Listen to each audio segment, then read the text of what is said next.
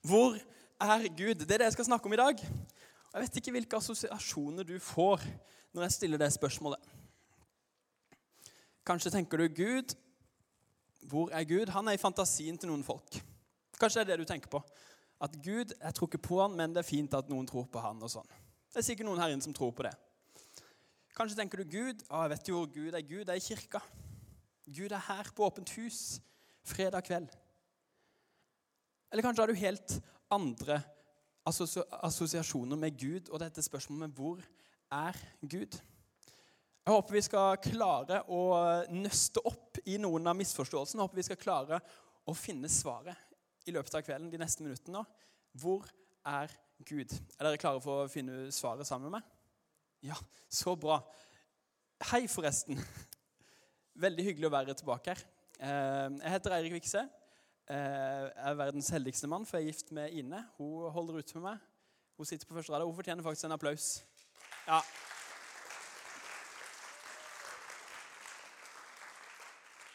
Og til høsten så blir det litt lettere for henne, for da får hun hjelp eh, til å passe på meg, for da får vi en liten datter. Eh, yes. Så det blir bra. Da er dere to som kan passe på meg. Um, og vi flytter også til Lyngdal. Det er det òg noen som vet, men jeg ville si Ja. ja. Så jeg er veldig glad for at jeg har fått lov til å være her litt sånn, litt sånn før vi kommer for godt. Men uh, til høsten så kommer dere til å se mer til meg. Uh, noen syns sikkert det er greit, og noen syns sikkert det er kjipt, men sånn er det. Det er ikke noe dere får gjort med det. Jeg skal be en bønn, og så skal jeg fortsette å snakke litt seriøst. Det var veldig seriøst det jeg sa om Ine, forresten, uh, og alt det. ja. Kjære Jesus. Takk for at du elsker oss. Takk for at du ser oss her. Du ser oss eh, med alle våre feil og mangler. Du ser det vi er gode på, du ser det vi er mindre gode på. Men du elsker oss, Jesus. Det har du sagt. Takk for at vi kan få lov til å komme inn her med en, eh, en uke på skolen i bagasjen. Eh, du ser alt som har skjedd. Kanskje har vi hatt en god uke, kanskje har vi hatt en dårlig uke, men vi kan uansett komme her fredag kveld og bare slappe av, kjenne at her er det godt å være, og så vet vi at du elsker oss. Amen. Hvor er Gud? Nå har jeg ikke med meg den klikkeren opp. Eh, kan jeg bare plage deg litt bak i bua? Er det greit? Kan du trykke på neste? Jeg var bak der og spurte etter så glemte jeg. Nei, det ble jeg bare sur. Men der! Hvor er Gud? Noen tror han er i kirka. Derfor har jeg tegna et kors. Ja, det er forresten jeg som har laga det her. Eh, det huset. Takk. Nei, ikke gi applaus på det. Noen eh, tror kanskje han er hjemme. Derfor har jeg tegna en pipe med røyk. Eh, men vi skal finne svaret på hvor er Gud. Og da tenker du kanskje kan det bli kjedeligere? Ja, det kan det. For skal ta, jeg skal ta dere med nå på en reise gjennom Israels historie. Tusen hjertelig takk. En reise gjennom Israels historie. Opp med hånda, du som gleder deg til det. Fy søren, for en gjeng. Det er jo helt rått. Jeg, si, jeg hadde liksom planlagt en hel tale, om, altså, tale før talen om at dette er relevant for dere. Følg med, selv om det kanskje høres kjedelig ut. Dette er sykt bra, sykt viktig. Jeg trenger jo ikke det, for dere rakk jo på hånda nesten alle sammen. Men det som står i Gammeltestamentet om israelsfolket, det er relevant for oss i 2019. Og så trengte jeg ikke å si så mye mer enn det, for dere trengte ikke så mye overtalelse. Guds bolig var i et telt for israelsfolket. Det er første gang vi leser om Guds bolig. Israelsfolket hadde akkurat rømt fra Egypt. De hadde vært slaver i Egypt. Og så hadde Gud lovt dem et annet land, et nytt land, hvor de ikke trengte å være slaver. Så de hadde klart å rømme fra Egypt med Guds hjelp. Men før de kom til dette nye, fantastiske landet, så var de 40 år i ørkenen. Jeg ser for meg at det var kjedelig. Jeg ser for meg at det var tørt, litt sånn som humoren min. Eh, og jeg ser for meg at, at det var Ja, det var en prøvelse. Men Gud var med dem. Det står at de bygde et telt som Gud tok bolig i. Tabernakelet heter det. Det er ikke så viktig at dere husker det, men det heter Og der står det at Guds herlighet fylte teltet. Så første gangen vi leser om Guds bolig, i Israels historie, det er når Gud får et telt som han bor i. Ok, Så Gud bor i et telt. Men så, etter 40 år i den ørkenen, så kommer jo israelsfolket fram til dette landet. Og da er det jo ikke noe vits at Gud bor i telt lenger. Så Salomo, som var konge, eh, konge nummer tre i Israel, bygde et tempel. Guds bolig var nå et tempel. Gud er på flyttefot. Et tempel, et helt svært bygg som Gud kan få bo i. Og i likhet med dette teltet, tabernaklet, så står det at Guds tempel også ble fylt av Guds herlighet. Så først så bodde Gud i et telt. Og så flytta han, og så bodde han i et tempel, et stort bygg. Men for 2000 år siden så var Gud på flyttefot igjen. Og Da skal vi lese fra Johannes evangelium. Johannes var en av de som skrev eh, og dokumenterte Jesu liv. Og Han skriver dette om Jesus. Når det, stod, når det står ordet, så betyr det Jesus. Jeg gidder ikke å forklare hvorfor det, men eh, hvis du er veldig nysgjerrig, så kom og prat med meg etterpå. så skal jeg forklare det, men det betyr det. Og ordet ble menneske. Gud ble menneske og tok bolig iblant oss. Og vi så hans herlighet, en herlighet som den enbårne sønnen har fra sin far, full av nåde og sannhet. Gud ble menneske og tok bolig iblant oss. Så først så bodde Gud i et telt. Så bodde Gud i et tempel.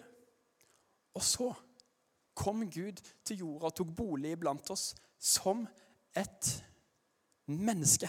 Den er det ikke jeg som har tegna, det ser dere kanskje. Guds bolig var nå Jesus Kristus. Født i Betlehem, sønn av Maria og Josef. Der bodde Gud nå. Men så stopper ikke historien der.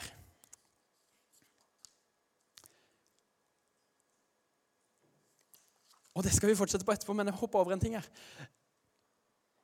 Gud, han trenger jo egentlig ikke å flytte på seg. Kanskje sitter du her og tenker at hvorfor har Gud bodd i telt? Gud trenger jo egentlig ikke å bo i telt, også i tempel, også i et menneske. Hvorfor flytter Gud på seg?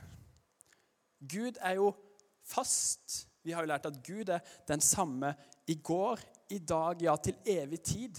Gud er liksom, Han er jo evig, han er jo alltid den samme. Hvorfor flytter han på seg? Jeg tror svaret på det spørsmålet er ganske enkelt. Fordi Gud er alltid der vi er. Og vi flytter på oss. Det som er, Hvis du leser historien om israelsfolket i ørkenen, så ser du at det var jo ikke bare Gud som bodde i telt. Gud bodde ikke i telt fordi han syntes det var sykt digg å bo i telt, for det er det ingen som syns. Gud bodde i telt fordi israelsfolket bodde i telt. Menneskene som han elska, bodde i telt. Derfor bodde Gud i telt. Og Så kom israelsfolket til et nytt land, og de ble bofast. Og Gud ble bofast, fikk seg et bygg, for det hadde menneskene som han elsker.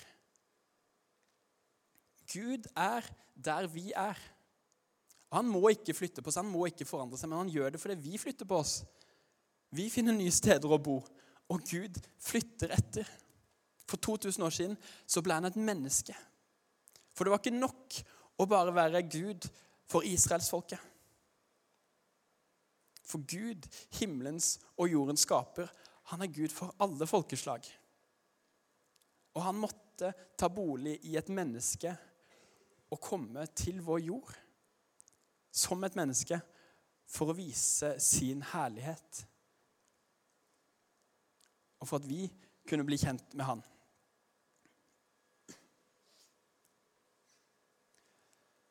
Og så tenker jeg ja, men Gud må jo ha noen grenser for hvor han kan bo. Det, det tenker jeg, For han kan ikke bo hos eh, narkomane.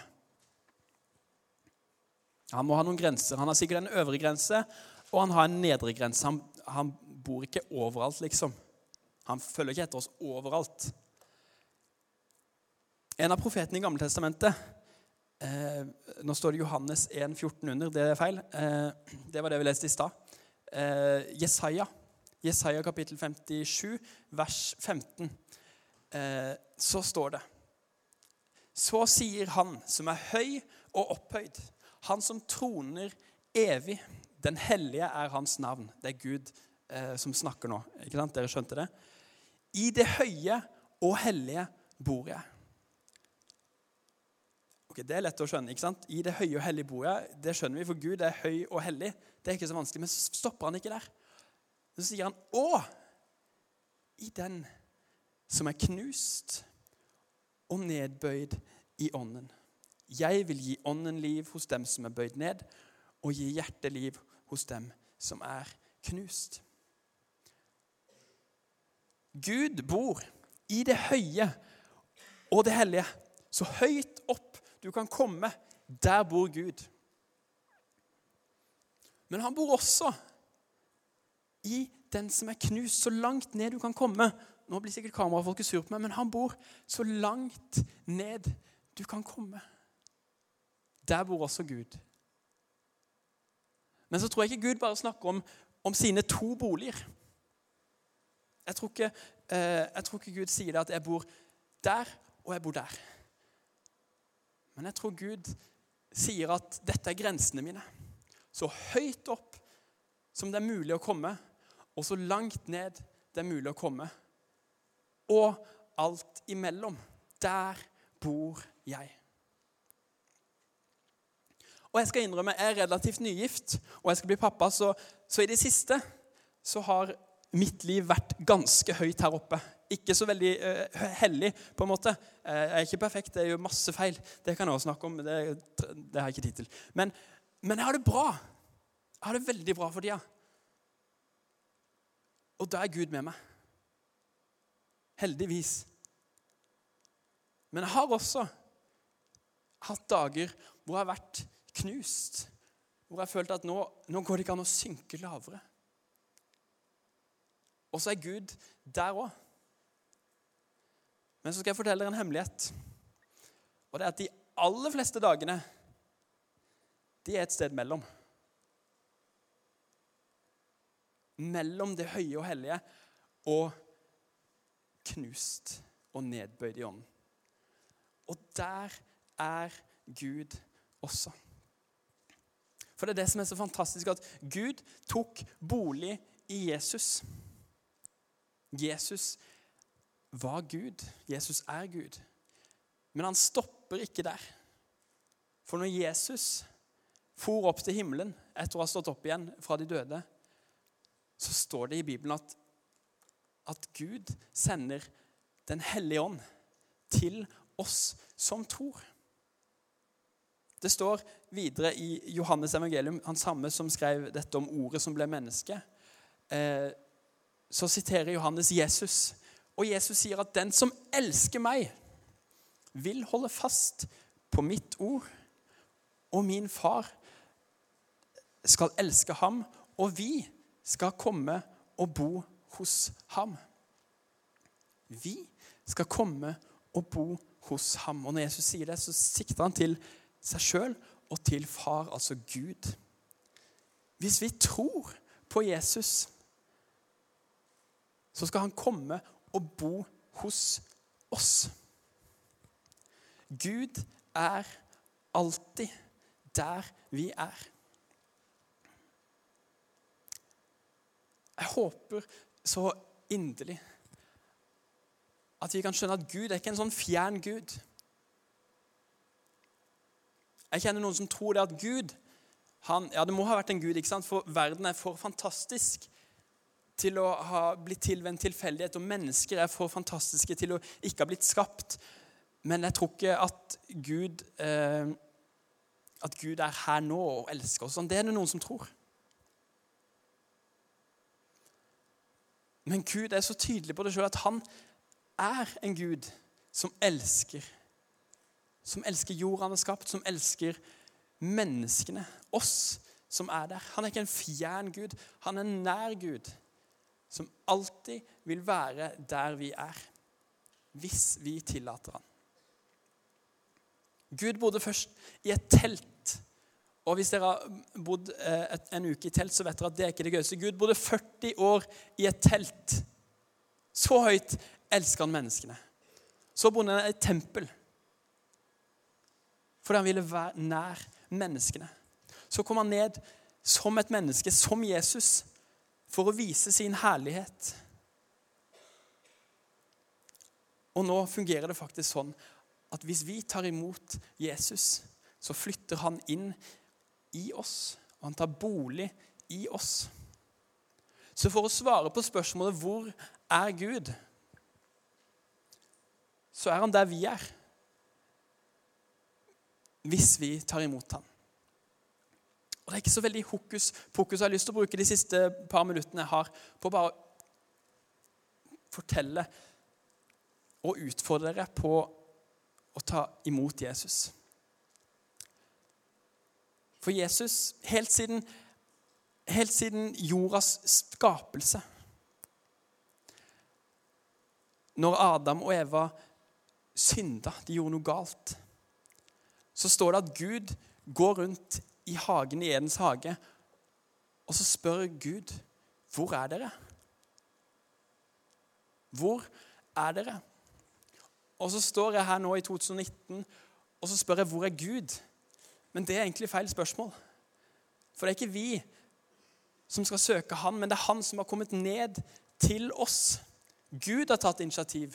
Gud elska oss for høyt til at han ville at det skulle være noen sånn prestasjon å ta imot han.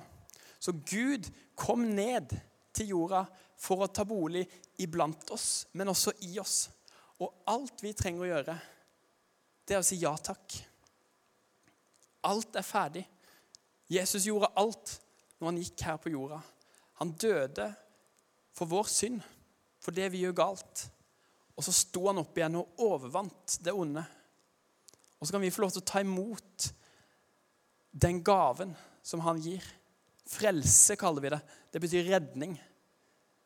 Gud redder oss ifra det onde, og så redder han oss til det gode. Han redder oss ifra død og til liv. Det er det frelse betyr.